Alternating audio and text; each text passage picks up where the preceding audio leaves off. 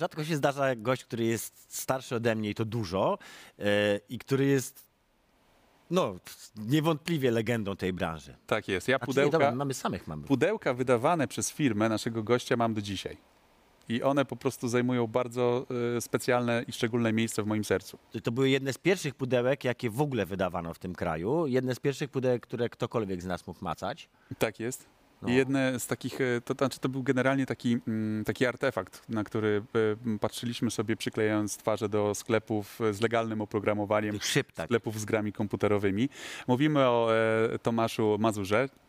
Dzień dobry. Cięcie, o proszę bardzo. Tak jest. Bardzo miło, że znalazłeś czas i chcielibyśmy Cię również o te weterańskie czasy popytać dzisiaj, ale pogadamy też o teraźniejszości i być może o przyszłości. No mnie też miło.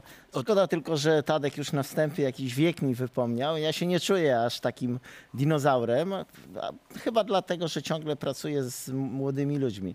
Ci młodzi ludzie, niektórzy się robią starsi, a niektórzy pojawiają się znowu nowi, jeszcze młodsi. Bez żartów to naprawdę jesteś jednym z ludzi, którzy są w tej branży od zarania jej dziejów jeszcze wcześniej. Y, tworzyłeś zręby legalnej dystrybucji, można powiedzieć, mm, u nas w kraju. E, opowiedz od samego początku, skąd się wziąłeś, bo ja cię znam, tak? Znam cię od, od kiedy pamiętam. E, Radziu cię zna, ale nasi widzowie, którzy są młodzi i, i oglądają League of Legends, Tak, to mogą cię nie kojarzyć. mogą a, nie znać a jesteś czasów. kawałkiem naprawdę historii tej, tej, tej branży, więc opowiedz tak, skąd się wziąłeś w niej. Ja też chętnie posłucham, bo tak Skąd się wziąłem? To znaczy tak, rzeczywiście, ja już nawet dzisiaj jak się zastanawiam, no nie wiem, który to był rok, kiedy zainteresowałem się komputerami. To oczywiście inne czasy, jakieś lata 80. Nie, nie wiem, które dokładnie 80. Pierwsze Spektrum gdzieś tam się pojawiały na rynku, potem pojawiło się Atari. E, a ja, ja w ogóle byłem, jestem inżynierem od samochodów, a skąd się wzięły komputery? No chyba jakiejś tam pasji, bo wszyscy gdzieś chłonęliśmy to pierwsze komputery, pierwsze gry, które gdzie tam dwa punkciki biegały na ekranie, a myśmy sobie wyobrażali nie wiadomo co, no to gdzieś tam zacząłem się tym interesować. Potem powstawały pierwsze pisma komputerowe, jakiś tam bajtek, komputer, gdzieś tam się też o nie otarłem, ale generalnie bardziej byłem związany z grami. Z grami i tak sobie pomyślałem właściwie już na początku, czyli tam koniec lat 80., że że fajnie by było, jakby w Polsce też takie gry powstawały. I tu, tak jak e, Tadek zwróciłeś uwagę, ten rynek był rzeczywiście w 100% piracki. I nie to z powodu, nie z powodu nawet ustawy czy jakichś tam innych rzeczy, tylko z powodu dostępności tych gier. Ich po prostu normalnych gier, takich legalnych nie było. To były początki giełd komputerowych w Polsce, więc wszyscy sprze- rosły jakieś tam nowe biznesy, nowe, no, nowe rzeczy się tworzyły. ty miałeś przygodę jakąś właśnie z No giełdą? tak, miałem. Zaczynałem, gdzie, znaczy pojawi, nie zaczynałem, ale pojawiłem się na w pierwszych dniach warszawskiej giełdy. Yy, To była taka giełda, jak ja przyszedłem, że można było sobie pochodzić po tej szkole, poszukać miejsca, wybrać jakiś stolik i gdzieś tam usiąść, tak? A ja słyszałem, że to w ogóle była walka o stolik, że Znaczy właśnie jak Nie? mówię, jak byłem na początku, można było wybrać. Mi nie minął Jeszcze miesiąc, może dwa. Tak, zaczęła się walka, no bo Były stałe Słuchajcie, miejsca. no młodzi ludzie potrafili w weekend tam zarabiać pieniądze większe niż ich rodzice e, przez cały miesiąc, tak? Tylko, że ci młodzi ludzie tych pieniędzy nie zarabiali po to, żeby kupować samochody, wyjeżdżać na wycieczki, tylko oni po prostu je inwestowali. Inwestowali w następny sprzęt, w lepsze komputery tak Większe dalej. łóżko polowe. Tak jest. I nikt tego nie robił po to, żeby zostać milionerem, tylko po to, żeby sięgnąć jakichś marzeń, nie? Mieć, mieć jeszcze lepszy sprzęt, jeszcze inne rzeczy. I tak, chyba tak się zaczęło właśnie na giełdzie, że była jakaś taka grupa, nazwijmy to już starych wyjadaczy, czyli paromiesięcznych, którzy tam byli bossami. I myśmy stwierdzili, że pojawili się ludzie, którzy zaczęli grzebać w tych grach. Zresztą myśmy też grzebali, bo to 8-bitowe komputery, tam były gry w Basicu, czyli dość prostym języku, były też bardziej skomplikowane w assemblerze, ale to nie było aż takie trudne.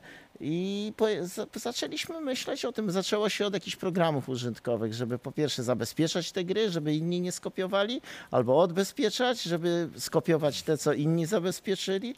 Ale też zaczęło, zaczęły się pojawiać pierwsze pomysły na, na robienie gier. No I tutaj się tak pojawia zaczęło. Miraż, tak? Czyli, No czyli to Miraż, to firma, było od razu założyłeś. Miraż, to może nie do końca, bo e, ja, ja wtedy jeszcze pracowałem chyba w Polmozbycie, uczyłem mechaników samochody naprawiać, bo to był ośrodek szkolenia Polmozbytu. Ale też pisałeś do gazet. E, y, Tak, ale to równolegle pisałem, tak. Nawet, nawet popełniłem pierwsze w Polsce takie wydawnictwo w 100% poświęcone grom.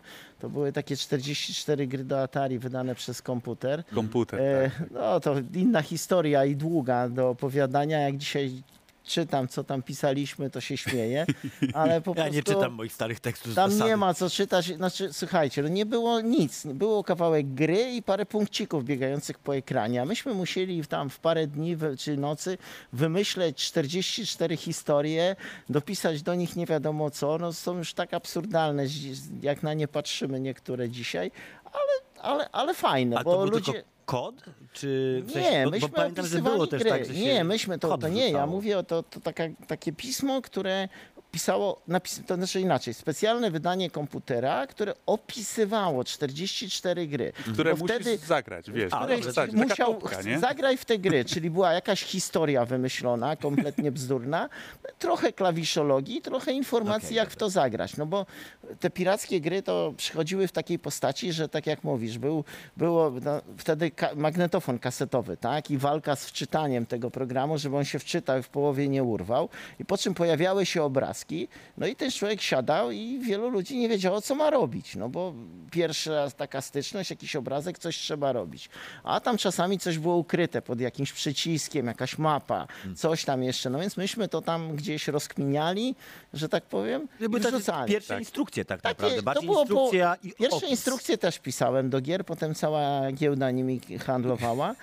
Ale to było takie właściwie najpierw opowieść, no recenzja nie, tak? Tylko historia, tak, masz rację. Myśmy to w Gamblerze nazywali opis. I to było takie właśnie nie recenzja, nie do końca Myśmy nie recenzowali tych gier. tylko Myśmy właśnie tam takie... wymyślali historię i pisali jak grać w takim dużym skrócie. To tak, tak? jak, to tak, jak u nas. To No ale się to się, to się rozeszło w jakiejś abstrakcyjnej ilości egzemplarzy, bo ja dzisiaj nie pamiętam, ale wydaje mi się, że pierwszy nakład to było grubo ponad 100 tysięcy, a jeszcze potem E, jeszcze było dodrukowywane. No. Pozwolisz, że ja tutaj y, po, powiem wam tak, żeby dać perspektywę. Kiedy zacząłem pracować w dwa- 2000 roku w jednym z dużych polskich wydawnictw, powiedzmy, że polskich wydawnictw, e, zajmujących się wydawaniem e, pism o grach, 100 tysięcy, 140 tysięcy to by chyba było najwięcej, co nam się udało w historii w ogóle w ciągu bardzo długiego czasu, kiedy żeśmy sprzedawali sprzedać. To było około 100 100 100 100 tysięcy, to były najwyższe nakłady, jakie żeśmy mieli. Ale wiesz, to są rzeczy policzone, bo ile było kserokopii z tego, ile było to już Tak, nawet tak, nie tak. wiesz.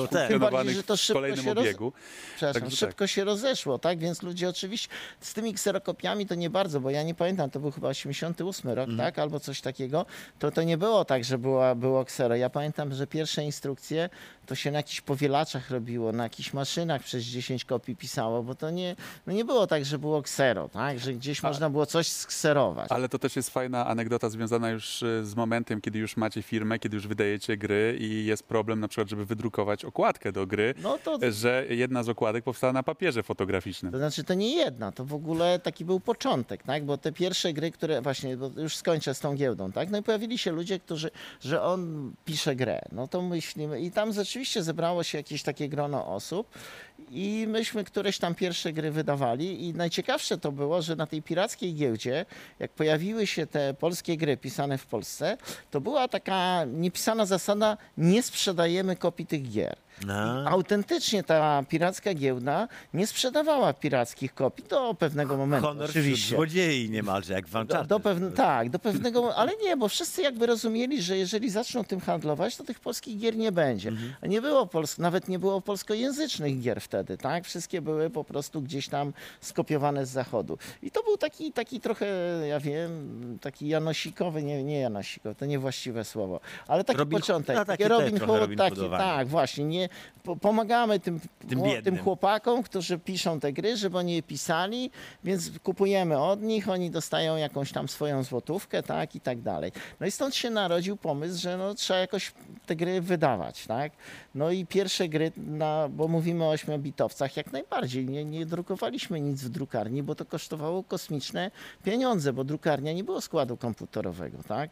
Tylko drukarnia to był ręczna przygotowalnia, blachy, jakieś inne rzeczy, więc jak poszedłeś do drukarza i chciałeś coś wydrukować w nakładzie 1000, 2 i to taka malutka okładeczka. Bo to kaseta. No, na, na kasetę to tak naprawdę na arkusz wchodziło tego, nie wiem ile tam, 200-300, no to on by musiał wydrukować 5-10 arkuszy. No to nikt się za to nie wziął, a nawet lepiej ja Zwłaszcza, próbowałem się dowiedzieć, próbowałem dowiedzieć się, ile by to kosztowało, tak? I pytam, pytałem drukarzy, ile by kosztowało wydrukowanie, mówię, no tam nie wiem, 100 takich arkuszy. Oni mówią, my drukujemy od 2000, od 2000. Ja mówię, i nie mogłem im wytłumaczyć, że mnie nie interesuje od ilu drukują, tak? Tylko ja potrzebuję 100, wydrukujcie i 5 tysięcy, tylko powiedzcie mi, ile zapłacę za 100. I oni nie mogli zrozumieć, że, ja, że mogą mi powiedzieć cenę jak za 2000, tak? No bo dla nich to w głowach było, że tego się nie drukuje mniej. No więc szukając rozwiązania, okazało się, że jakiś tam znajomy fotograf ma niedrogi papier, tak? I jak sobie policzyliśmy, to ta okładka zrobiona metodą fotograficzną okazała się abs- naj, najtańszą w tym wszystkim. Czyli to po prostu tak? była jakby jeden mock-up i później były robione tego Tak, zdjęcia? był robiony, był robiony mock no tak, mock-up, a tak naprawdę ktoś namalował okładkę, grafikę, bo namalował, tak, bo tego się na komputerze też nie składało. Ewentualnie jest się domontowało coś tam i y, napisane, no nie wiem, bo już, już drukarki się jakieś tam pojawiły, więc coś tam chyba już można było wydrukować, więc nie pamiętam, coś tam się domontowało. Fotograf to przygotowywał i robił nam w jakimś tam nakładzie. Potrzebowaliśmy na początek 200 sztuk, to zrobił 200. To Z jest tyłu historia- masz Kodak. To jest Tak, historia, dokładnie, tak, stary, to, jest, dokładnie. his, to jest historia okładek Gamblera po prostu. Jak ja sobie przypomnę, jak powstawały okładki Gamblera, który myśmy byli zawsze kilka kroków wstecz do, w stosunku do konkurencji. Nie wiem, czy pamiętasz, myśmy mieli zawsze malowane okładki. I myśmy mieli gościa, który nie miał nic wspólnego z grami. Był grafikiem, który nam bardzo, bardzo skrupulatnie No rysował y, okładki, które były później właśnie dokładnie, no to wiadomo, tam już była drukarnia normalna, no bo jednak pismo, No nie, no ale to- też z obrazka ja pamiętam pierwsze, pierwszy skład komputerowy, pamiętam nie, Stefana Szczypkę, który, e, który robił pierwsze polskie fonty, tak, i to nie na, jeszcze nie na PC, tylko to było jakieś tam Atari ST, a potem TT, bo one miało e, tam kostka pamięci kosztowała jakieś kosmiczne pieniądze i tak dalej, ale to, to, to, nie, nie wiem, który to był rok, bo to bym musiał gdzieś tam poszukać w pamięci, ale te pierwsze okładki, pierwsze gry, pierwsze wydania, no to była kaseta magnetowana fonowa, przegrywana na jakimś tam dobrej jakości dwukasetowcu z mastera, tak? Do tego okładka robiona fotograficznie, no i, ja, no i system dystrybucji na tej zasadzie, że mieliśmy w iluś miastach jakiś tam odbiorców, nazwijmy, którzy jeździli po okolicy i tam rozwozili gdzieś po takich sklepach, sklepikach i sprzedawali te kasety. A nagrywane było pod klienta, czy robiliście masówkę i po prostu życie wypróbowali? Nie, no była produkcja. Była Na początku robiliśmy to sami, ale później już był taki moment, że nawet powstały takie specjalistyczne firmy, które produkowały kasety, tak, Mhm. i od razu też je nagrywały. Ale to trochę tak było, że e, na jednej linii tłukli kasetę z Disco Polo, bo to był początek Tak, lat tak, 90., tak, a e, noc, nocami, załóżmy, dorabiali Disco Polo, sobie, kochany. Trzaskając, To jeszcze nie załóżmy, były czasy. To gry. nie było. Radio A, to jeszcze ale nie ja było myślę, że disco to, polo. ale w latach 80. to początek lat Nie, nie, 90. Nie, to nie, nie, nie, mówimy nie, nie. koniec Disco lat chyba polo- 80., to o czym mówimy. Ale tak. wiesz, boom Disco na, muzy- to się na zaczęło- muzykę chodnikową tak zwaną, nie? Nie, nie, nie, Czyli- nie, czyli nie. To, wiesz, jest, to są to, lata co tam- 2000 Radziu. No, Uwierz mi, na 2000, kasetach, no na co ty. kasetach, na kasetach A czy inaczej, leciało jakaś jeszcze- muzyka, pamiętam, jak, Muzyka jak, jak biesiadna, myśmy stary. zamawiali kasety, te produkcje, produk- dla nas produkcje kaset i nagrania czasami, to, to te same wytwórnie robiły jakieś kasety Wytwórnia muzyczne. Takt, E, No, która tak, znajdowała to- się nawisając koło mnie. e, Znaczy nie, bo po sąsiedzku. Ta, takt to istnieje, do, znaczy chyba jeszcze istnieje. Oni tak? istnieją, tylko chyba się już zupełnie przebranżowili na Przebranżawiają jakieś się, inne tak. No to było parę takich wytwórni. To potem one jeszcze robiły nam płyty, CD też później się przebranżowiły. Tak? No dobra, to jesteśmy na początku lat Ale jesteśmy 90. na i początku. powstaje decyzja o tym, żeby założyć jakąś sensowną firmę. Skąd pomysł na nazwę? A nazwa się wzięła stąd, że Arek Łukszo e, tak nazwał. Znaczy, no, Arek Łukszo, ja nie wiem, czy już dzisiaj nie pamiętam, czy, czy od francuskiego samochodu, samolotu Mirage, którego, który był jakoś zainteresowany tymi samolotami, czy od takiego, takiej firmy Mirage, która sprzedawała modele tychże samolotów. Tak? E, To sklep Był, Mirage. był sklep i Arek. Łukszo tam jest. pracował. I on przy- przyszedł, myśmy z Arkiem zaczęli, on zrobił pierwsze dwie gry. Wiesz, że ja się zawsze zastanawiałem, czy to ma coś wspólnego? miało wspólnego. Natomiast nie wiem, trzeba by Arka zapytać, skąd mu się wziął ten miraż. Mi się zawsze wydawało, że od samolotu francuskiego, Mhm. a może to jakiś taki mariaż tego miraża od modeli, Mariaż samolotu Miraża. francuskiego i tak dalej. Miraż był przy y, Morskim Oku w Warszawie, Tak. na ulicy Puławskiej. Obecnie się Był. znajduje, proszę ciebie, na Czerniakowskiej. Dalej istnieje, jest trzy razy proszę. większy i bardzo Tak? sobie dobrze radzi. Tak. No właśnie. No i on, on, no on się pojawił z, z ortografią i pojawił się z Battleships, czyli takimi dwiema pierwszymi grami. No i wtedy z, ze studia komputerowego AS, bo tak, tak, tak zaczynaliśmy, powstało Mirage, już nie pamiętam, Software Media Studio, bo tam było parę... Miraż Software to się Tak, Chyba tak. software był pierwszy, tak, bo potem, potem było, to była Kilka- firma prywatna tak naprawdę.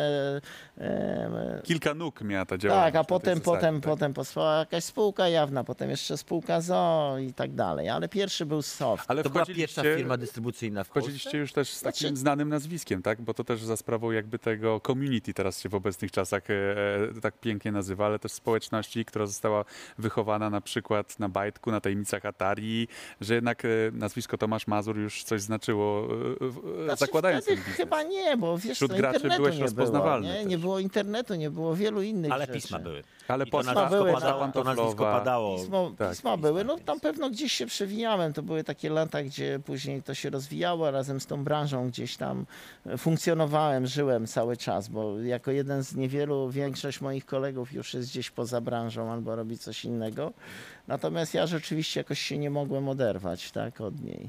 Ja myślę, że to była jedna z pierwszych, e, ale też największa firma, która w pewnym momencie No miała właściwie cały rynek. Mówisz to o Mirażu? E, Czy on- Miraż był, Miraż Może był Avalon, może my. Myślę, że Avalon, nie wiem, albo Avalon, albo Miraż. To były dwie firmy, które właściwie zaczynały moim zdaniem, bo to znaczy zaczynały, tam pojawiały się jakieś pojedyncze produkcje, ale myśmy tak naprawdę gdzieś tam szukali tych produktów. Szuka, właściwie to nie, myśmy nie szukali gier, do nas się zgłaszali ludzie. To były małe, e, małe gry na ośmiobitowce, więc czasami jeden człowiek, czasami dwóch przychodziło, że ma grę, że pisze, że robi.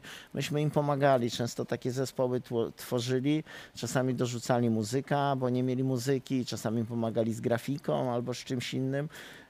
I, tak sobie wydawaliśmy oczywiście. Wszystko, wszystko generalnie było na zasadzie refshare'u. E, czyli, czyli jakiś tam procent od sprzedaży. Czasami, no jak była taka konieczność, jakimiś niedużymi środkami wspomagaliśmy tych, tych, tych devów, nazwijmy Tak. pierwszych, a ponieważ sami zaczynaliśmy i tak jak mówię, pierwsze ilości sprzedażowe na całą Polskę to się tak od tysiąca zaczynały, potem one gdzieś tam rosły przy niektórych tytułach. To też bogaczami nie byliśmy, tak? Myśmy bardziej zarabiali na tym, że, mie- że w pewnym momencie tych tytułów mieliśmy mnóstwo, tak? Ale to też takie fajne historie, e, właśnie weterańskie, kombatanckie, że tutaj załóżmy jest sklep, do którego wchodzą ludzie kupujący oprogramowanie, a na zapleczu tego sklepu e, siedzą chłopaki i kodują Klepią. gry i, po, i do tego jeszcze przychodzi jakiś chłopak po szkole, który też jest gdzieś tam uzdolniony programistycznie i e, szef tego sklepu daje mu możliwość No myśmy, nauki. myśmy nie? generalnie na miejscu nie kodowali, nie? bo to dzisiaj, dzisiaj trochę branża wraca w dużej mierze aż e, też do takiego zdalnego pracowania i tak naprawdę to wyglądało, nie? bo te, te zespoły to były, wiesz, dwóch, trzech ludzi na ten ośmiobitowiec i jeden musiał ładnie malować, a drugi musiał wymyśleć, jak w tych paru kilobajtach zmieścić jak najwięcej treści, tak? Tak. I tam dorzucało im się muzyka ewentualnie. Dobra, dobra, ale Pierwsza chłopaki, platforma- zostawmy ośmie, ośmiobitowce, E, bo już mówię, jak jesteśmy tak, w latach tak, bo najpierw mieliśmy 90. to Atari, potem była Amiga, a na końcu był e, PC. Y, tak? PC. PC. No i właśnie, bo to jest taki moment, który ja pamiętam, bo wtedy zacząłem pracować, w ogóle co jeszcze warto wspomnieć, co ci już powiedziałem przed programem, akurat u Tomka byłem na pierwszym w życiu takim wyjściu do dewelopera, gdzie mi pokazano grę Mortyr, którą pamiętam, że ty żeś mi osobiście pokazywał w, jak to żeś powiedział, pokoju kominkowym, tak? Taki, O, pamiętam, nazwijmy to w ten sposób. tak. Kam- Kamieniem byłem- wyłączony z kominkiem w suterenie budynku. w Byłem zafascynowany z jednej strony tym, Młody że, w ogóle dziennikarz dostęp, Tadeusz. tak, że dostępuję jakby takiego tutaj, że wiesz, że dotykam tego developmentu. Z drugiej strony pamiętam też, że troszeczkę podpadłem, bo skrytykowałem Mortera, ja wtedy byłem mocno zafascynowany Quake'iem, no i tak na, przy porównaniu z Quake'iem to tak było, no dobra, no ale Quake. Ale byłeś tym młodym wilkiem, Ale do wiesz, czego chciałem- musiałeś Tak, no wiesz, i byłem taki, bardziej wiesz, agresywny. Edgy byłem. Niemniej już wtedy były cztery osoby, które można było uznać za demiurgów tej branży. Tak mi się przynajmniej wydaje z, moje, z mojego wspomnienia. I Był to Grzegorz Onichimowski, była to Iga Serdakowska, był to e, Marcin Turski i byłeś to ty. I wyście tak naprawdę wtedy stworzyli pierwsze firmy, które potem e, przekształciły się po kolei w e, polskie oddziały Electronic Arts, prze, przekształciły się, o czym właśnie zaraz powiemy, też w największego polskiego dystrybutora po dziś dzień. E, I chciałbym gdzieś tutaj właśnie e, zgłębić, w którym momencie zauważyliście, że to już nie są ośmiobitowce i że to już nie jest zabawa, tylko że tu się zaczyna robić duży interes Poważny biznes. że zaczynają się robić już zręby prawa, który, na, na, na, na których możecie działać tak, legalnie. W, którym, w, którym, w której chwili to się stało? Który to był tak mniej więcej. Wiem, że to jest ta druga połowa 90. lat, to na pewno, ale, ale czy E, pamiętasz jakoś taki. Ten impuls, kiedy ten impuls to zrozumiałeś. taki, kiedy żeście zrozumieli, że to już nie jest zabawa. tak? Wiesz co, bo, bo tak, bo tu wymieniłeś osoby, które w, w, są znaczące dla rozwoju polskiego rynku, ale bardziej dystrybucyjnego niż game devowego. Tak. Miraż był trochę inny, tak? Bo myśmy, myśmy generalnie niby, zaczyna, niby kładli takie podwaliny dystrybucji, ale tak naprawdę gdzieś z tyłu byliśmy trochę taką firmą game devową. Mhm. Mieliśmy swoich deweloperów, mieliśmy studia, tworzyliśmy przez cały czas jakieś gry, czyli mieliśmy takie dwie nogi. E, Jak mówiłeś o Mortyrze, no to ten Mortyr to było naprawdę wtedy wielkie wyzwanie, bo myśmy musieli, próbowali sfinansować w latach 90.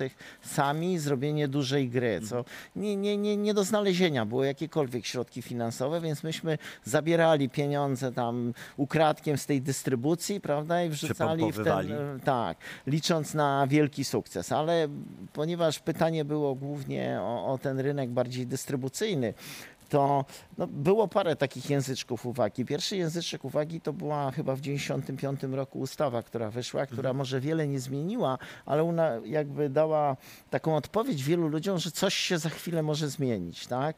I tu, te, tak jak wspominałeś IPS, gdzie był Grzegorz z Ingą, y, jako pierwsi wy, wy, zrobili taki krok i zaczęli rozmawiać z wydawcami zachodnimi na temat dyst- o legalnej dystrybucji ich produktów. I ściągnęli I elektronikę. ściągnęli no, na początku chyba Virgina, a potem chyba Tak, tak, tak. jeszcze jakaś taka zapomniałem, kolejność że Virgin była. Tak, ale to, to Virgin nie Electronic istotne. W Arts, każdym bądź razie, w każdym razie ściągnęli potentata największego w branży, czyli Electronic Arts. My produkując te polskie gry i robiąc jakieś tam takie mniejsze produkcje, no byliśmy już na tyle mocno zakorzenieni, a poza tym potrzebowaliśmy jakby nie tylko tych tytułów, ale innych. Też zaczęliśmy rozmawiać jakby z wydawcami z trochę mniejszej półki na to, na co nas było stać. Myśmy wtedy zaczęli na przykład, rozmawialiśmy z Codemaster, tak? I na przykład pamiętam cały garaż u Tomka Dizzy w tych kartonowych pudełkach po butach, który przyjechał, tak? To wszystko było mocno utrudnione, bo nie było internetu, nie było nawet normalnych telefonów, tylko krzyczało się, bo się dzwoniło do Krakowa, tak? Jakimś faksem coś przychodziło. Ten słynny Walka dowcip, z tak? A, cłem, nie- a bo- nie może zadzwonić. Tak, tak. Walka z cłem, bo, bo przecież wszystko z- gdzieś z zachodu przychodziło, było oclone, nie było Unii, tak? I tak dalej. Więc to, to ale to, to jakby inne historie.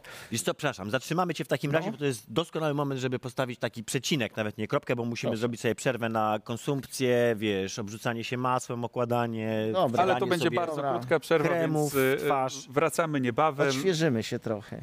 Zo- Zostańcie z nami. E, Dzisiaj e, program FOPA bardzo wyjątkowy, jak zawsze, jak co tydzień.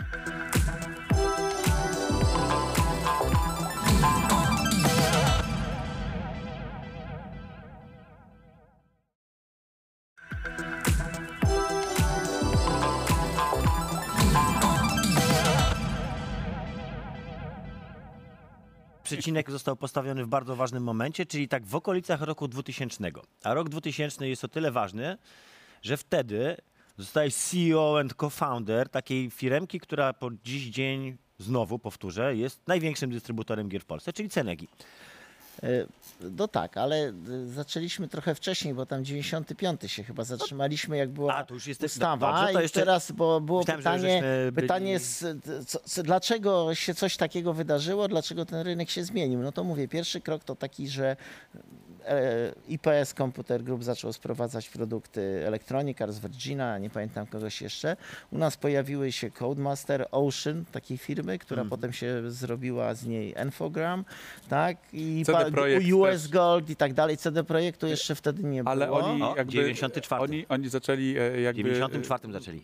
Też dystrybucyjnie bardzo mocno działać w pozyskiwaniu właśnie licencji, umów, podpisywaniu, ściąganiu tych dużych Znaczy, e, nie, początki, e, wpadnę ci sobie, początki CD Projektu to były takie, rzeczywiście, oni zaczęli w erze, jak CD się pojawiło. Myśmy zaczęli trochę wcześniej, jak były, jak jeszcze to CD chyba go nie było, albo Mhm. za chwilę się pojawiało, dlatego CD Projekt. I oni zaczęli od rozmów z pośrednikami, zanim, że tak powiem, czyli nie, nie z wydawcami bezpośrednio, ale za chwilę dość szybko, prawda, zaczęli też rozmawiać z wydawcami.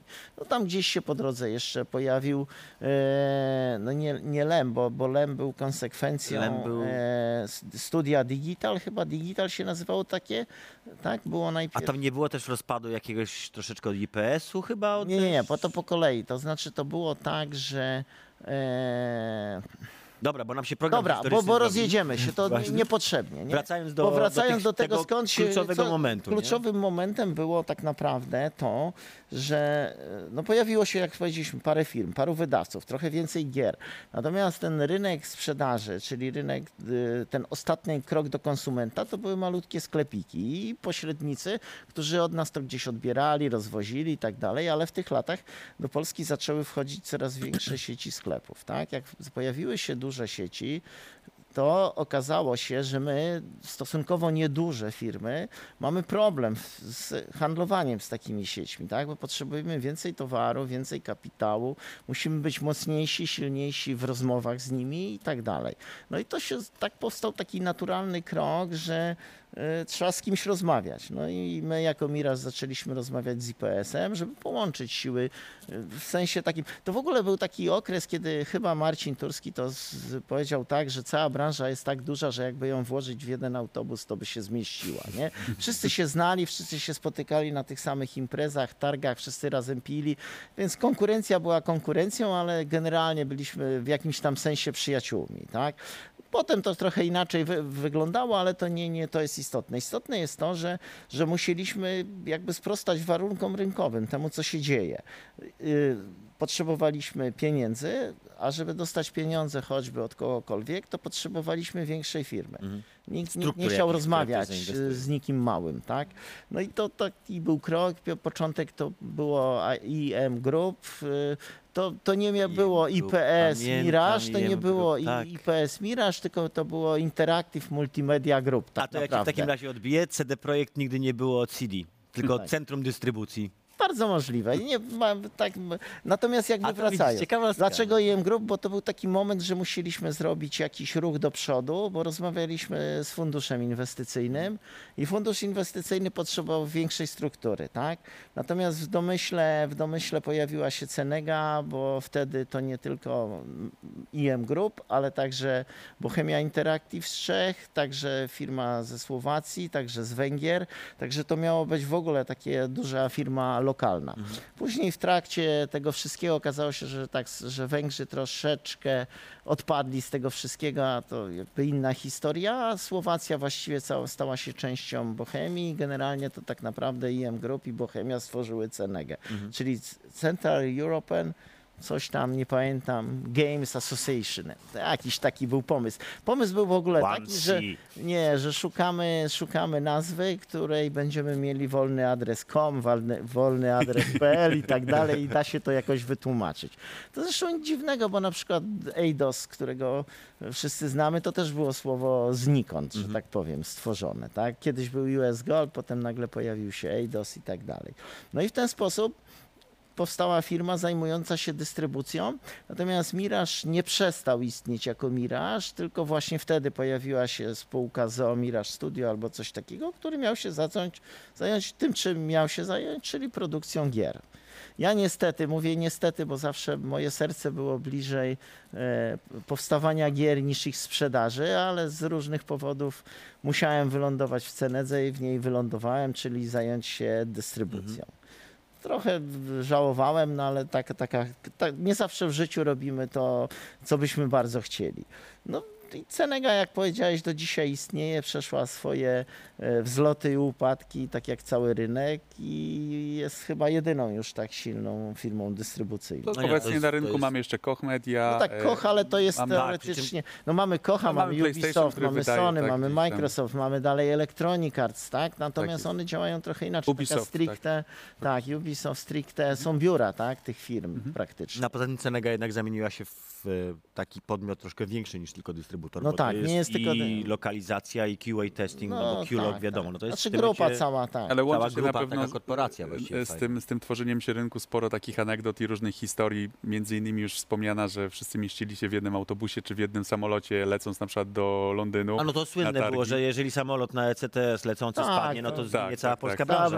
branża, tak, dokładnie. To później myśmy to przerabiali to samo z samolotami dziennikarskimi, tak, że jak Ale ten samolot spadnie, to jeden- nie będzie komu pisać o tym. Jeszcze taki jeden event, być może skaczemy sobie za mocno, ale taki event, który ostatnio widziałem też przygotowując się do naszego spotkania, czyli sprowadzenie Polski, e, znaczy sprowadzenie do Polski Lary Croft. A, ale która to była? Julie Andrews czy, E, To była już... czy Rona e, Mitra? Nie, nie, nie. Rona nie. Mitra. Rona to- Mitra. to- Rona Miałem plakat No, podpisany przez Historia Ronę Mitrę. niebywała. Znaczy dzisiaj, Ja widziałem tych ludzi, którzy byli tak ale wiesz, zafascynowani, ja, ja, dla nas, dla że Lara jest z nimi. Dla nas to też było coś niesamowitego, bo to nie było tak, że słuchajcie, no Polska była wtedy takim jakimś malutkim punkcinkiem na mapie tej sprzedaży gier i my to chyba tylko i wyłącznie dzięki naprawdę świetnym jakby, mm, jakby powiedzieć, przyjacielskim kontaktom w Wejdosie udało nam się to wszystko załatwić, dlatego że, miał, że, że nie było gdzie wcisnąć w kalendarz takiego jej przyjazdu tutaj, nie mówiąc o tym, że to warowane było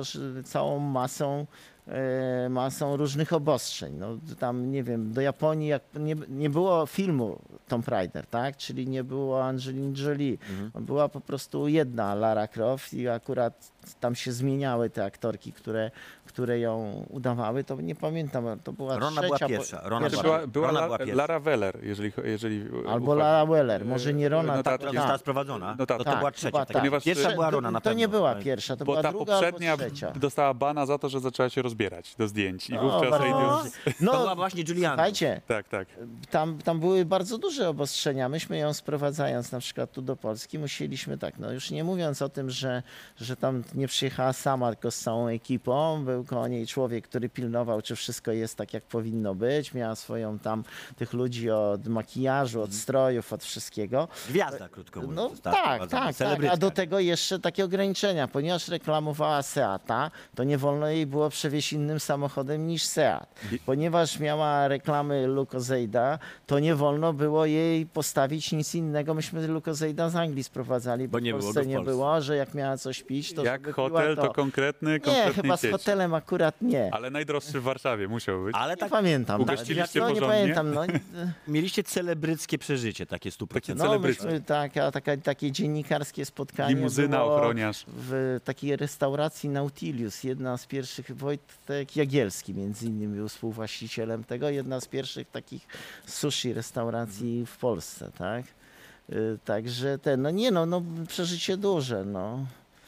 To co, to I teraz... tłumy ludzi, tak, i zamknięte centrum M1 marki, bo, bo ludzie, bo tam ludzie szturmowali. szturmowali. Szaleństwo tak, i przewrócone pewnie barierki. Dzisiaj już nieprawdopodobne, no ale... Teraz to- w ogóle jest tak, że te, te, te eventy e, e, są coraz rzadziej spotykane, nie tylko przez sytuację pandemiczną, ale, ale też jest e, mniejszy budżet zdecydowanie. No, mam wrażenie, że w tamtych czasach Nie było planowano internetu, eventy znowu wracamy do rozmachem. tego, nie? Nie było internetu, nie było skąd takich rzeczy, po takie rzeczy dotknąć. Tak samo jak targi growe, tak? Ostatnia premiera, jaka mi się kojarzy, że wejdę w słowo, to Wiedźmin 3 e, w centrum handlowym Blue City.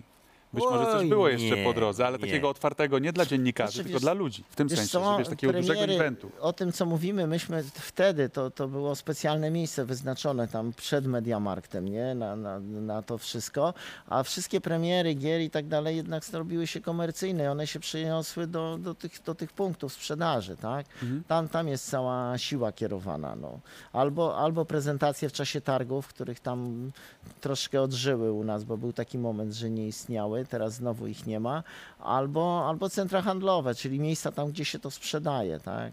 Tak, tak, taki jest trend, a resztę, resztę załatwia internet. No. Jasne, bo, y, bo, bo tak się zastanawiam, czy to już jest ten moment, żeby przejść do teraźniejszości, bo Więc właśnie ja bym chciał tak już powoli, płynnie. powoli, powoli ruszyć z tej którą- z którą pożegnałeś się, dobrze pamiętam, w 2004 roku? no tak mniej W tych więcej. okolicach. tak. I potem, pojawi, potem już od razu się pojawia IQ Publishing, czy to jest jeszcze moment, kiedy... Wiesz co, IQ Publishing się pojawiło, bo chyba od razu, prawie jak może nie od razu, bo miałem wtedy takie myśli, żeby może w ogóle robić coś innego. To takie gamingowo-samobójcze. E, no, Bardzo dobrze. miałem, żeś- no, bardzo ale dobrze, bo- żeś nie pociągnął ale pomyślałem, że nie znam się ani na sprzedaży ziemniaków, ani na O niczym. właśnie. A, a przy, jak już mówimy, jestem w tej branży od tam końca lat, drugiej połowy lat 80., więc jakby i ludzi, i kontaktów, i wiedza. I ja serce. zresztą, e, zresztą jeżdżąc na wszystkie targi, jak się śmiałem kiedyś ktoś e, w social mediach wrzucił, o, że on był w którymś tam roku na jakichś targach jakiegoś badża wyciągnął, no to ja wyciągnąłem takiego badża, zobaczyłem do swoich badży, no to one sięgały początków, tam przykład E3 czy ECTS. Przepraszam, no. masz, masz jakieś miejsce ze skalpami na wszystkie badże? Nie, mam je w jakimś pudełku. Pudle. Ja, ja, trzymam, ja trzymam Nie, mam bałagan wszędzie. Mówię, moje skalpy. Y, No, no ale i- inaczej. I szkoda mi tego było, tak? I do dzisiaj gdzieś tam wielu tych ludzi nawet, y, mówię, mimo że wtedy byli starsi ode mnie, jeszcze gdzieś się przewija w tej branży.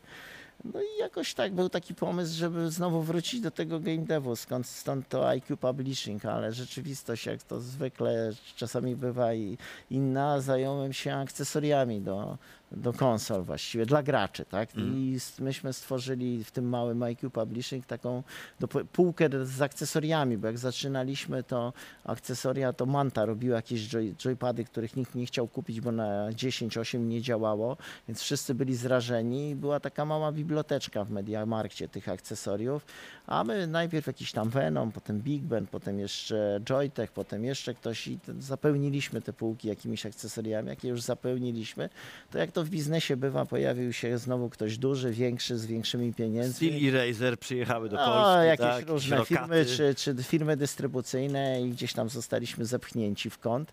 Więc znowu gdzieś tam powolutku do tego game devu, który zawsze gdzieś w głowie mi chodził, gdzieś tam wróciłem. Tak? Najpierw jakieś takie małe, małe, ma, małe produkcje, jakieś takie inne rzeczy. Gdzieś tam po drodze zrobiliśmy taką grę Raid Polski z Darkiem Rumanem, który potem zrobił Car Mechanika, tak, który się okazał dużym sukcesem. Pewno gdzieś tam się rodził ten Car, Mechanik przy okazji tych jego rajdowych różnych produkcji. Zresztą w- gra była może, znaczy dzisiaj to mogę powiedzieć, tak, bo wszyscy oczekiwali, że, że będzie gra, która tam będzie z Need for Speedem albo z czymś walczyła, a myśmy tą grę zrobili w 4 miesiące tak naprawdę. Fu, to szybciutko. E, No to tylko, że, szybko. że cztery, może pięć, Darek robił, core, tylko że to było olbrzymie przedsięwzięcie, tak? Darek robił core gry, a u nas siedziało dwóch ludzi i organizowało freelancerów po całej Polsce, którzy dorabiali według pewnego schematu. Ci dorabiali kierowców, ci samochody, ci tory, ci tekstury, ci coś innego i ktoś tam jeszcze na samym górze, tak? Umowa z PZMOT-em, konferencja, jakieś takie rzeczy, więc wszyscy oczekiwali nie wiadomo czego, a to była taka arcade'ówka tylko, No więc że- właśnie, czy to było Just Good Enough Games? Ja mam takie, taka firma, którą kiedyś założę, ona będzie robiła gry 6 na 10, będzie się nazywała Just Good Enough Games. To było coś to- takiego? To była gra, wiesz co, tak, ja myślę, że tak, ona była fajna, ona była fajna, miała swoje plusy. Miała samochody, miała prawdziwe, miała prawdziwych kierowców, którzy tam, znaczy nazwiska rozpoznawalnych. Miała te same trasy, które Raid Polski, natomiast sam model był typowo arcade'owy do tego jeżdżenia, to nie był symulator, tak? W którym momencie, to będzie pytanie troszeczkę z w którym momencie zrozumiałeś, że niekoniecznie trzeba robić hity, żeby zarabiać na branży gier? W którym momencie zrozumiałeś, że to Good Enough Games też funkcjonuje? To będzie troszeczkę podciągnięcie pod y, to, co obecnie robicie. bo z całym szacunkiem, ale Playway w większości, z którym jesteś związany, z tego, z tego co wiem, e, to jest Just Good Enough Games. Nie wszystkie, są tam tytuły wybitne, ale generalnie jest to właśnie raczej takie celowanie w ten taki middle ground. W którym momencie, że się zorientował, że to jest też sposób na, na istnienie w tej branży? Wiesz co, no tak jak tu cały czas rozmawiamy, to jakby generalnie byłem właśnie w takiej branży. Myśmy nigdy, znaczy inaczej, myśmy zrobili jeden hit na miarę czasów, czyli Mortyra.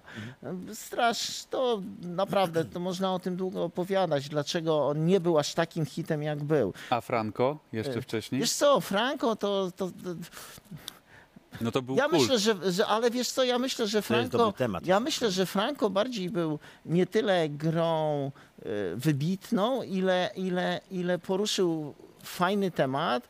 Przecież Był ona tam technologicznie nie była nie wiadomo jak, Był ale kontrowersyjny i był też. kontrowersyjny. swojski. Do tego chciałem być. Był swojski, był kontrowersyjny i był taki y, bardzo, bardzo chwytliwy, nie? I to dlatego był sukces. Natomiast Mortyr, Mortyr dzisiaj nikt tego nie wie, ale myśmy e, Mortyr był pierwszą grą po Castle on Wolfenstein, gdzie się strzelało w cudzysłowie do ludzi. To, to, to, to, to był przełom.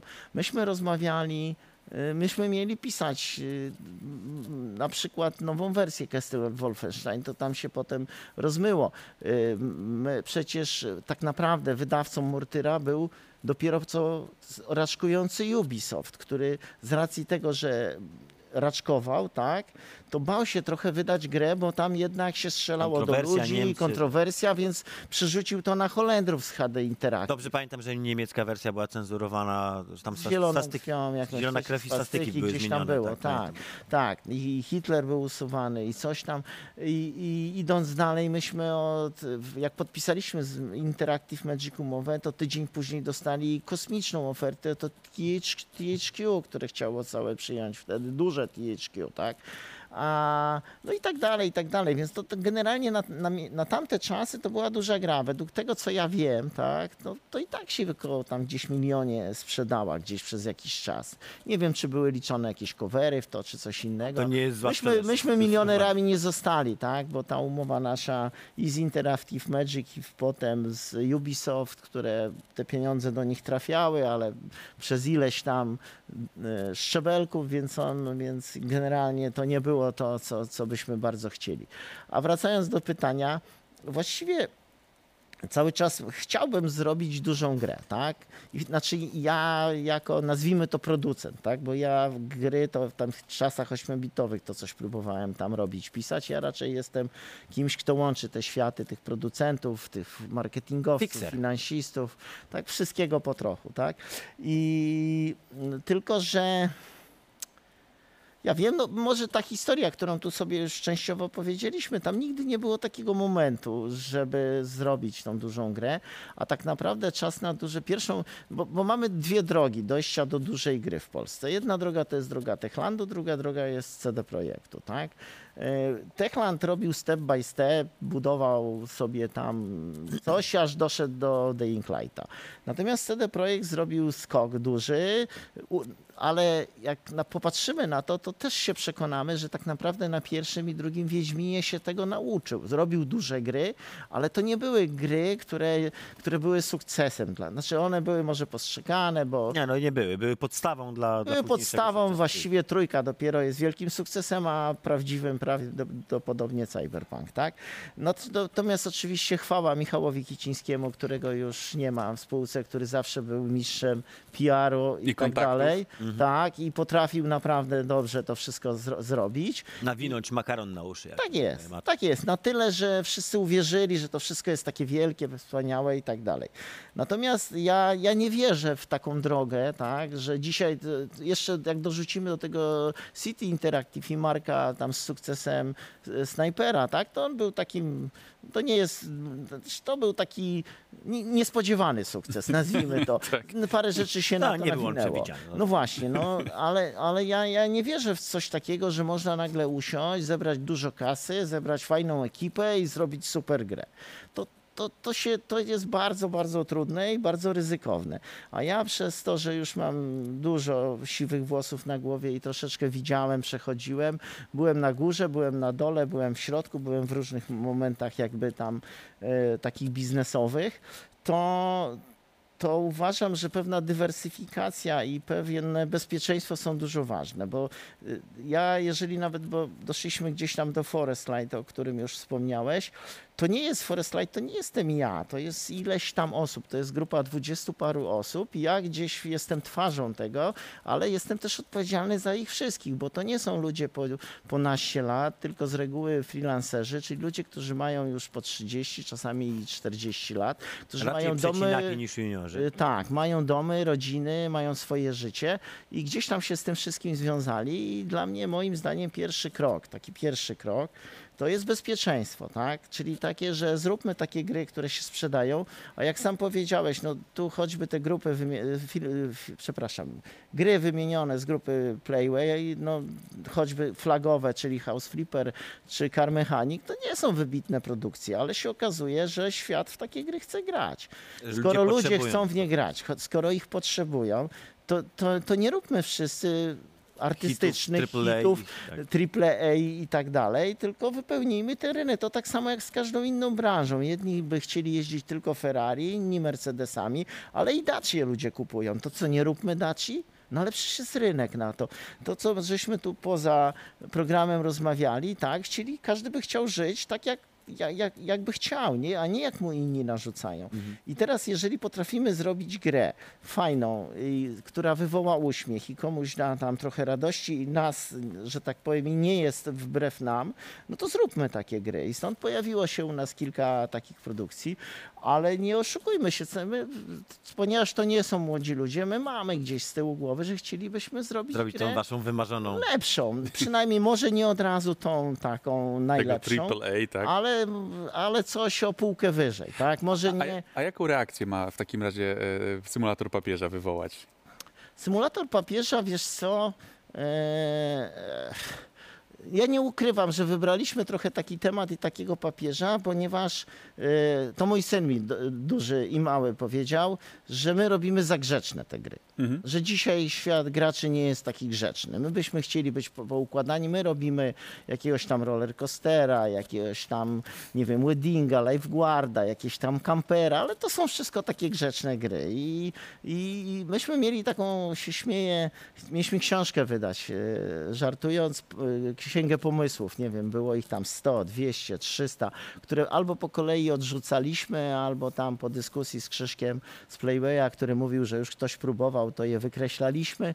E, I, i, ale dzisiaj jak zaglądamy do tej książki, to w tej paranoi tego, co się dzieje na rynku, to już 80% tych tytułów ktoś To już robi ktoś zrobił. które myśmy zdecydowanie odrzucili, albo robi, albo zapowiedział, albo robi, tak? Natomiast, natomiast no, papież jest takim krokiem do trochę ambitniejszej gry, tak? E, A mianowicie, czy on, no tak, chcieliśmy, żeby trochę szokował, ale my, to nie jest taki pomysł, że my tam pokażemy, nie wiem, jakieś straszne rzeczy w tej grze. Oczywiście będzie tak, jak jest w życiu, tak? Czyli ci papieża, szczególnie z czasów rodziny Bordziów XVI-XVII wieku i tak dalej, to tacy byli, oni byli, oni byli no, no, trochę bandytami, w cudzysłowie oczywiście, tak? E, Mieli bez wszystkie przywary takich normalnych ludzi. Byli chciwi, byli zachłanni, lubili kobiety, lubili coś innego. My nie będziemy tam przemocy, seksu jakoś ema- e, epatować tym, natomiast na pewno gdzieś on w tle się pojawi, tak? Chcemy opowiedzieć historię, historię, no poza tym musiałaby być ciekawa, no. To, to, żeby była ciekawa, to coś się musi dziać. To nie są rzeczy wyjęte, z, pa- wyssane z palca. No, tak, No tak, to gdzieś tam opieramy się na faktach, a nie, a nie wymyślamy niestworzone rzeczy. Twoje największe fopa branżowe. Masz bardzo mało czasu na zastanowienie, bo musimy kończyć program. Wiesz co? E, największe fopa? Decyzje z ostatnich e, lat IQ Publishing. O, To fopa, nie wiem czy to nazwać fopa, ale No tak za dużo błędów smutne, popełniłem. Tak. Za dużo błę- błędów popełniłem na końcówce, że tak powiem, IQ Publishing. Hmm. No to teraz życzymy samych... Dlaczego je popełniłem? Ale życzymy- tylko odpowiem dlaczego, tak? Aha. że ja nie jestem takim klasycznym e, biznesmenem, dlatego że ja jak coś z kimś robię, gdzieś działam i tak dalej, zawsze wszystkim wierzę i uważam, że wszyscy powinni dążyć do sukcesu, a nie zawsze tak jest. No. Czyli FOPA było za, zaufanie za bardzo. Tak, no, No. myślę, za bardzo zaufanie do zbyt Dałbym- wielu ludzi. Dałbym temu 2,5 FOPy na 5. Naszym, gościem, naszym gościem był Tomasz Kamień e, Węgiel. Nie, czekaj, wróć. Głaz Jezu. narzutowy polskiej branży Mazur. O, tak cię nazwę. Strasznie na mnie- długo. To już masz fopę teraz. Widzisz, ja ją popełniłem w Okej. stosunku do ciebie.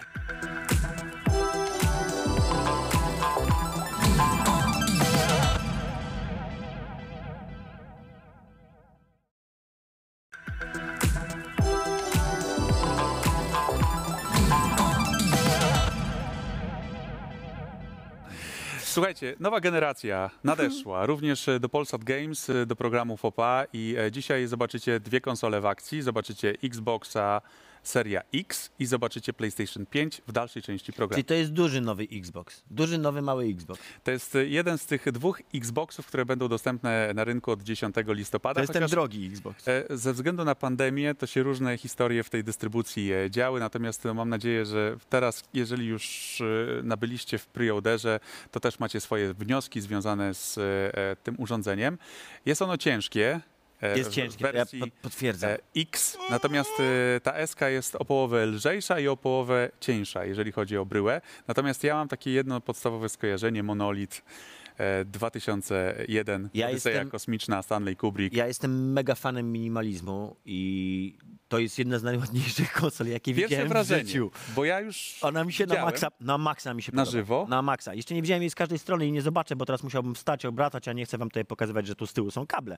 Bo Tak wiecie, jest. nowoczesne konsole nie mają kabli oczywiście, jak widać. Pad bez kabla, tak? bezprzewodowy. Pad jest identyczny, nic się nie zmienił. Jest Jakieś minimalnie dosłownie tutaj są zmiany, widzę, że tutaj na To, tych, to, to, tych to pokaż miejscach widzom trochę może jak wygląda ten ergonomicznie, nie wiem czy to widać. Jest, Tak Są lepsze cyngle zdecydowanie, są, są, są cieńsze, delikatnym do, grubsze.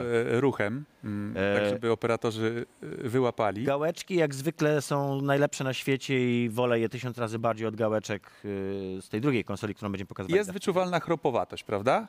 Proszę bardzo. Że, że trzyma się w rączkach. O nie no, wiele- trzyma o się wiele lepiej. idealnie, trzyma się tak jak się trzymał poprzednie. Moim zdaniem to są najbardziej ergonomiczne do niektórych rzeczy pady. I teraz jakie tak, istnieją. i teraz tak. Bo do nawalanek już na przykład wolę PlayStation. Wa wa ważne pytanie. E, e, z- e, 10 rzeczy, które odróżniają tego pada, tej generacji od, poprzedniej, od pada z poprzedniej generacji. E, nowy krzyżaczek, nowe pady to razy dwa. Raz, dwa. Tu jest nowy guzik to trzy. tak? E, tutaj ma inaczej wy, wykończone to cztery. Tu jest ten złącze do słuchaweczek.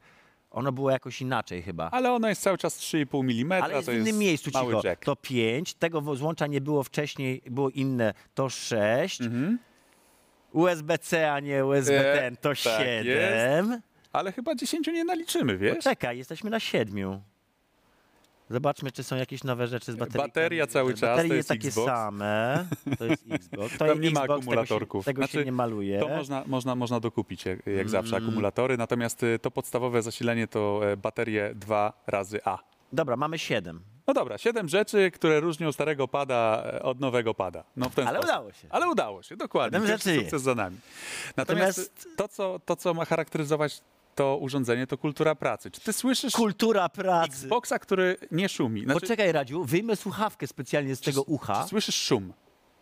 Wiesz, jak to było z, Xo- z Big- X- Xboxami? Radziu, jedyne co słyszę, to szum wywieczników w naszym To jest wspaniałym studio. nieprawdopodobne, nieprawdopodobna Niemożliwe. historia, prawda? A powiem ci więcej. E, be- masz e, kilka gier do dyspozycji. Mm, tu grzejniczek. To jest grzejniczek e, e, i będziesz mógł przetestować grę, e, która idzie bezpośrednio z dysku SSD i grę, która jest napędzana z napędu. bo Która też jest z taka napędu? możliwość. A to ja nie powiem. Ci Nie to powiesz mi, dobra. Będziesz mógł To, sprawdzić. mamy już sprawdzać? Natomiast słuchajcie, tak, ty się Tadziu już baw. Wiesz co, to co jest fajne, to jest ten system Quick Resume, że faktycznie jest jest kilka gier w pamięci, tych ostatnich, w których Czekaj, graliśmy. psujemy, psujemy tego, Assassin's Creed'a. I to działa w ten sposób, że zamraża się gra.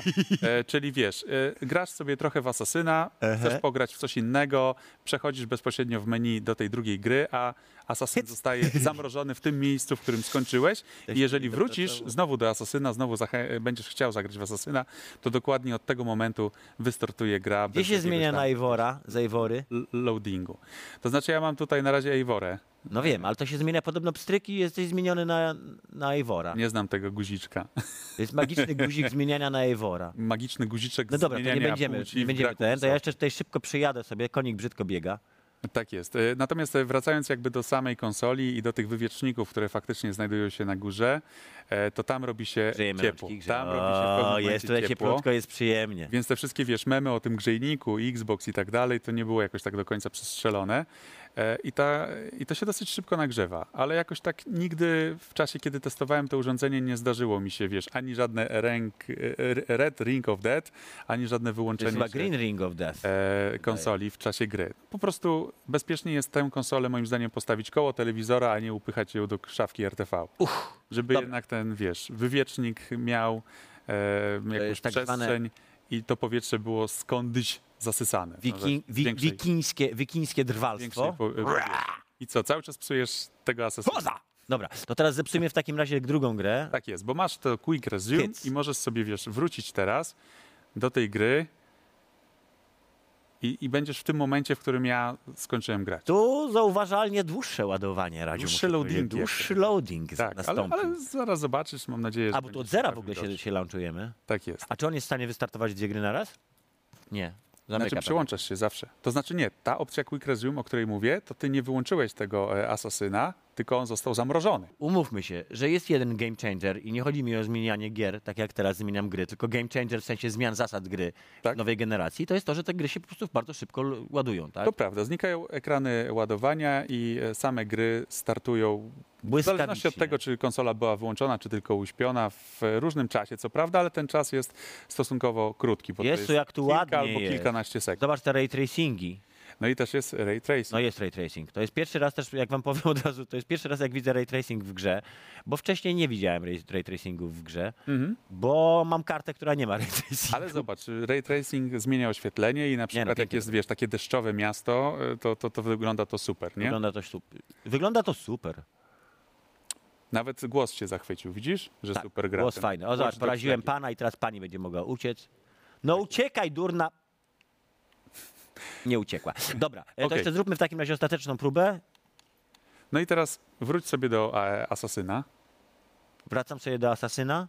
Quick resume. Jest to, to chyba w naszym studiu. Skubane działa.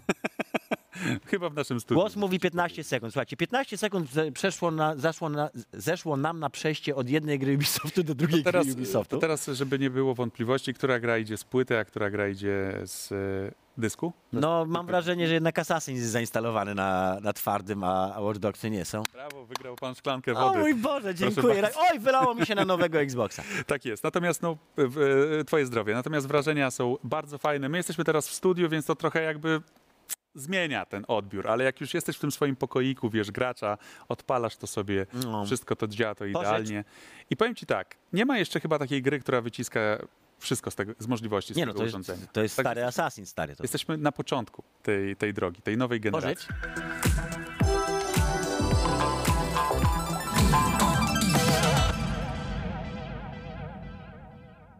I to jest właśnie ta magia telewizji. Było, był Xbox, to teraz jest PlayStation 5, słuchajcie. Tak to właśnie wygląda. Dobra, robisz tak. I wiecie, co jest najfajniejsze? Tadeusz po raz pierwszy widzi tę konsolę, bo ja ją tutaj skrzętnie ukrywałem w torbie, właściwie w walizeczce, bo e, ta konsola całą taką e, bagażową e, walizeczkę do samolotu zajęła, jeżeli chodzi o, wiesz, porównanie wielkości, mój drogi, ale też Aha. moi drodzy widzowie, nasi drodzy widzowie właściwie, więc to tak tytułem wstępu. No i twoje pierwsze wrażenia, proszę bardzo. O Jezu Chryste! Nie, no dobrze, ale jest, jest faktycznie duża. Jest to chyba największa Nie rozmiar, konsola. mnie, nie rozmiar mnie przestraszył, tylko wygląd. W rodzinie, o Jezu w, rodzinie, w rodzinie PlayStation, ale generalnie też chyba w tej całej nowej generacji, bo jeżeli ją zestawimy obok, e, postawimy obok e, e, Series X, czyli obok Xboxa, to, to faktycznie ta konsola wygrywa również ten pojedynek. Znaczy rozmiarem wygrywa, to niewątpliwie. E, Wyglądem? Okej, czyli wiesz, no, Dobra, słuchaj, nie oceniamy tutaj urody, oceniamy to, co jest w środku. Pokaż tego pada. powiem tylko tak, można jest na zewnątrz akurat. zarówno jakby w pozycji pionowej, jak i e, poziomej tę konsolę zainstalować, to jeżeli ktoś by się pytał, a teraz twój pierwszy kontakt z DualSense'em. A, Bo jeżeli wiesz, e, mówiliśmy inny. sobie...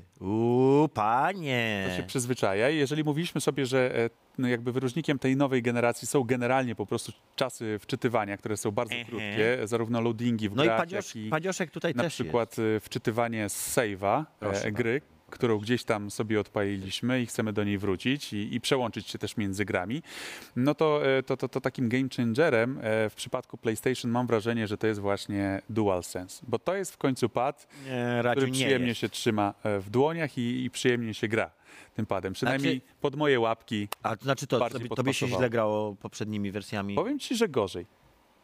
To ja się nie zgodzę. Znaczy ja uważam, że te pady były absolutnie równorzędne, przy czym do pewnych rzeczy lepszy był tamten, do pewnych rzeczy był lepszy ten, Mhm. w sensie PlayStationowy, a tamten w sensie Xboxowy. E, widzę już tutaj parę problemów na tym padzie, które będą bardzo mocno tutaj ten. To, to jest na przykład strasznie głupi design, bo tutaj się będzie zbierał brud. Wiesz co, to jest design, który podobno e, ma, e, wiesz, e, wysmuklić. Jakbyś pokazał, Nie no, spoko, wysmukla, tylko Wiesz, to jest wysmukla miejsce, gdzie się kształt będzie zbierało, będą się konsoli. zbierały zwały brudu po prostu. Wiem, bo sam Trzeba ręce. wielokrotnie zwały brudu stąd. Nie Okej. umyjesz rąk tak, żebyś, wiesz... żeby nie wiesz, zostawiać z, zwał brudu. Bardzo mi się podoba, bardzo dobrze leży w rękach. Mhm. Wydaje mi się, że nawet lepiej, chociaż jest tutaj na przykład są ostre dosyć te krawędzie, taki dziwny jest. On jest taki, wiesz co, ścięty. Tutaj jak masz ten e, najmniejszy paluszek, prawda, to tak, Tak, jakoś... krzyżaczek jak zwykle jest nie do wyjęcia, czyli że najlepszy na świecie. Guziczki jak zwykle nie do, nie do wyjęcia, najlepsze na świecie. A jak te spusty? Triggery są identyczne jak były. Ja cały czas jestem zwolennikiem triggerów e, Xboxowych. Nie no, zmieniło się wszystko. Tutaj No to jest nowy R1, pad. R2 to się jest, zmieniło To jest zdecydowanie. rewolucja, a nie ewolucja, tak jak w przypadku wiesz, Tak. konkurencji. Nie, nie, tutaj to jest całkowicie nowy pad, tak? I, i jest prześliczny. To na pewno jest. To jest jeden z ładniejszych padów wizualnie, tak. Mm.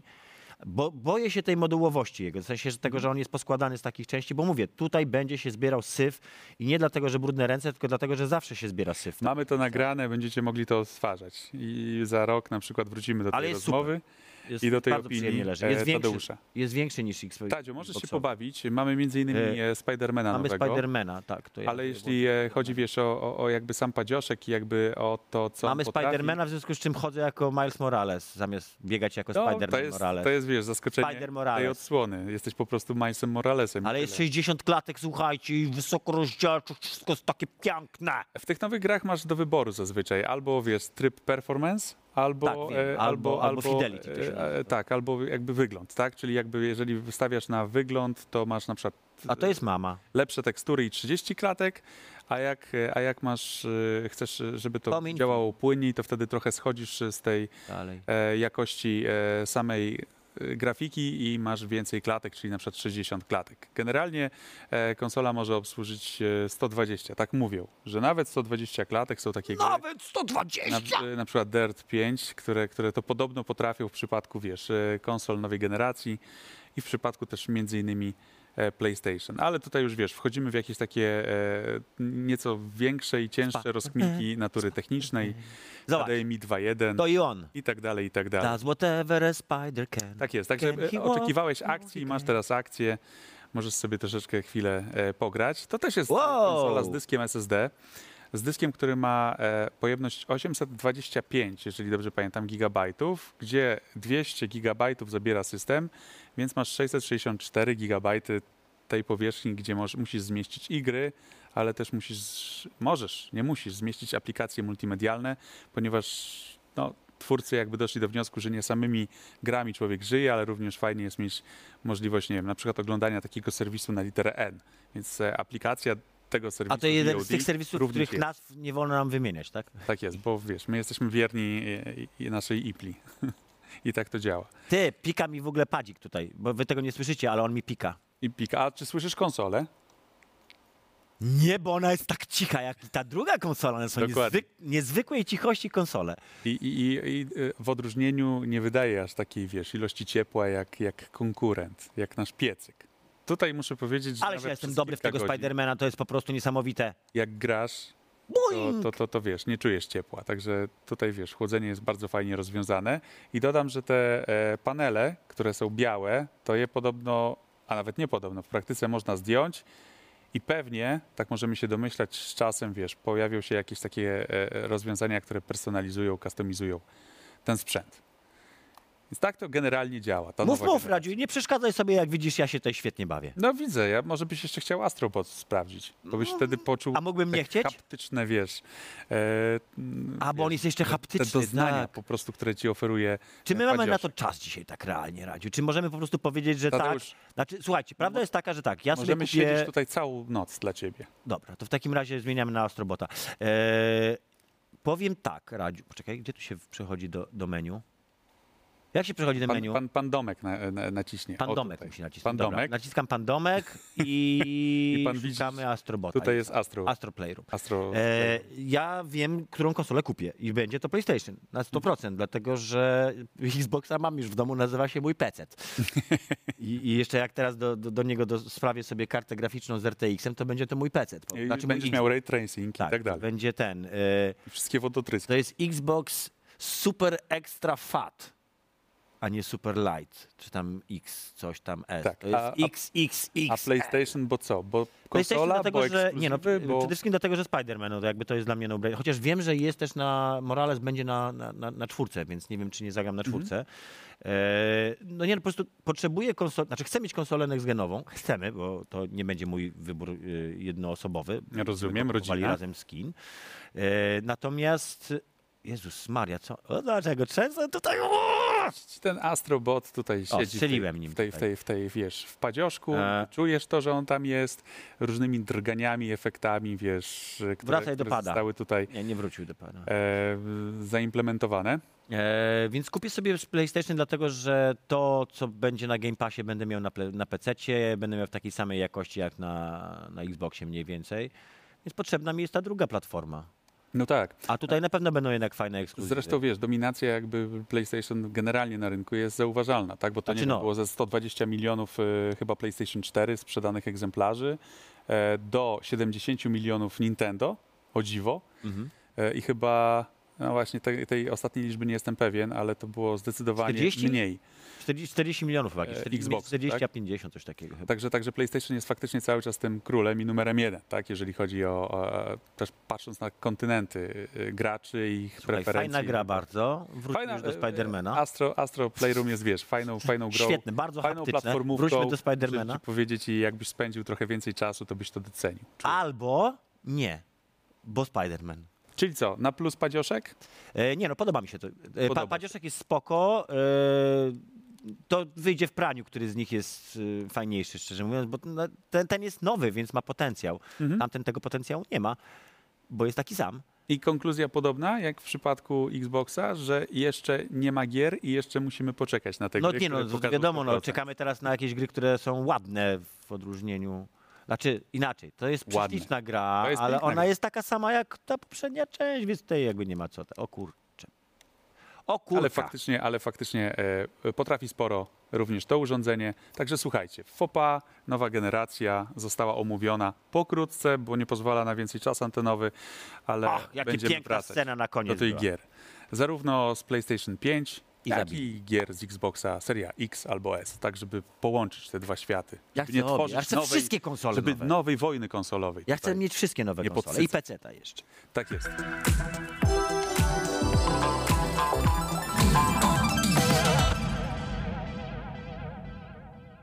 To nie jest ostatnia atrakcja, jaką dla Was przygotowaliśmy. Mamy tradycyjną recenzję gry Descenders, którą e, przetestujemy przy użyciu technologii 5G. Tradycyjną, dlatego że już żeśmy mówili o Descenders wielokrotnie i będziemy mówili o nim jeszcze więcej, dlatego że to się stało naszą no- nową tradycją. Będziemy recenzowali od teraz tylko i wyłącznie Descenders. Tylko i wyłącznie, bo tak, Tylko dobrze, i wyłącznie. tak dobrze działa ci ten Bo Descenders. tak dobrze działa, jest tak fajne. Nie, no to. Ja tę grę pokochałem, kiedy ona wyszła. I to testujesz na nowym padzie z nowej generacji. Tak, który jest taki Połączyliśmy wygodny. to z Game Passem. No. Taki jest wygodny. Tak jest. Descenders w Game Passie jest dostępny, dlatego sobie też o tym mówimy. Połączyliśmy przyjemne z pożytecznym, czyli ulubioną grę Tadeusza.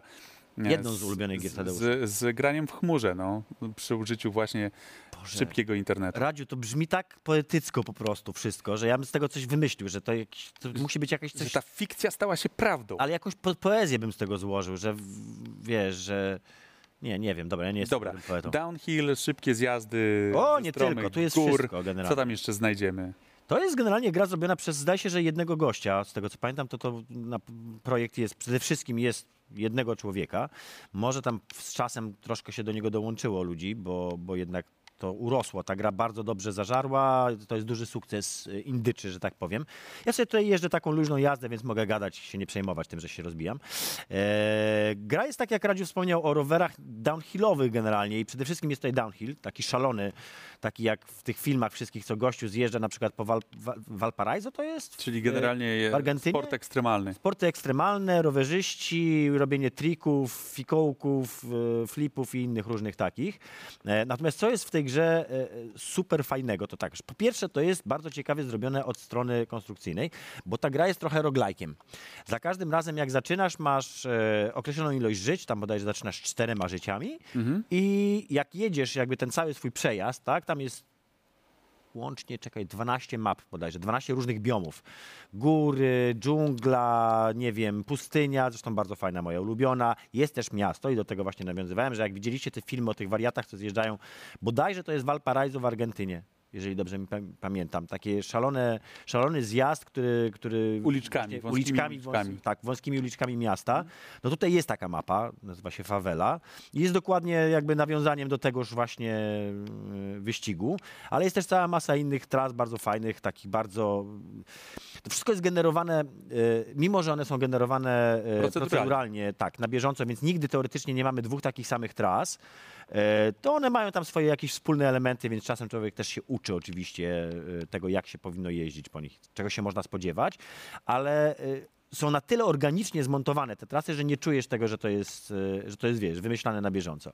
Masz wybór teamów też. Masz, a, to to Wiesz, jest wszystko... masz Team e, to- Enemy, e, Arbor Real i Kinetic. Mm. I podobno te teamy się różnią. Nie. To prawda? Nie. Czy nieprawda? Nie ma żadnego znaczenia, to jest tylko i wyłącznie, to są tylko i wyłącznie kosmetyki, tak? To się wygrywa tylko i wyłącznie jakby dodatkowe kosmetyczne zmiany, rowery zawsze są takie same, e, ludzik zawsze tak samo jeździ, robi te same triki, e, bardzo sprawiedliwe pod tym względem to jest.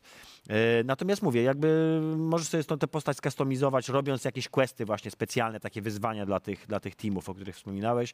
Nie ma to żadnego znaczenia, zrobiłem, nie wiem, dla jednego kilka misji, odblokowałem sobie jakieś ubra- ubranka i przestałem w ogóle się tym bawić, bo dla mnie, jak wiecie, ja jestem tą osobą, która bardzo lubi gry, w których się po prostu steruje i po prostu gdzieś jedzie na przykład. To jest dokładnie taka gra.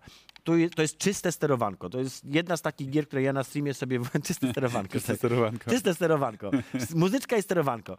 E, ja mam taką tra tradycję świecką czasami na streamie, że sobie odpalam Descenders. Właśnie ostatnio nie odpalałem i tutaj zresztą nie, nie powiem, ale jedna z widzek mnie mocno za to sekuje, bo tam jest jej ulubiony kawałek. Okej. Puszczam, to jest super muzyka, jest naprawdę genialny soundtrack, taki trochę drum and bassy. Nie tylko FIFA ma dobrą muzykę, Nie ale tylko również FIFA, Descendants. nie no, jeszcze też gry, gry Ubisoftu mają świetny soundtrack, to, zwłaszcza Watch Dogsy nowe, Tak, Legion. prawda. Genialny soundtrack. Ale też Miles Morales, y, to tak do, A do to nie- nie słyszałem. Bardzo, bardzo dobra muzyka. Ale wracając jeszcze szybko do Descenders, to właśnie jest to, że tutaj jest ten doskonały soundtrack z taką, takim fajnym, wciągającym gameplayem, który się bardzo dobrze ogląda, bo to jest to takie, taka walka z sobą, wiesz, że próbujesz to przejść idealnie, nie przewrócić się.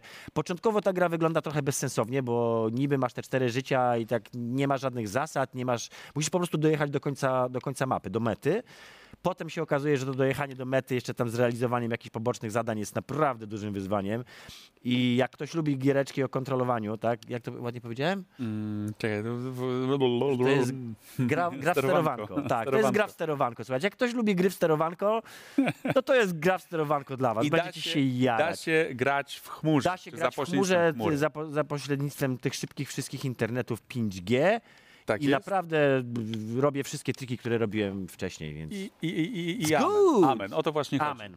E, słuchajcie, dzisiaj wypasiony był odcinek programu FOPA, bo nie tylko nowa generacja, e, nie tylko e, technologia 5G, ale również znakomity gość. E, dziękujemy pięknie za uwagę. Tadeusz Zieliński. E, a, Radosław Nałęcz jesteś. Pamiętam. Program FOPA niebawem, właściwie za tydzień. Wraca. Żartowałem, Radziu, pamiętam. Także jak to niebawem to po prostu tydzień. Za Radziu, tydzień się widzimy. w nowym naprawdę odcinku. pamiętam, jak się nazywasz. Ci wybaczyłem. Ja nie Wiem, jestem za poprzednim razem kiedyś to zrobiłem.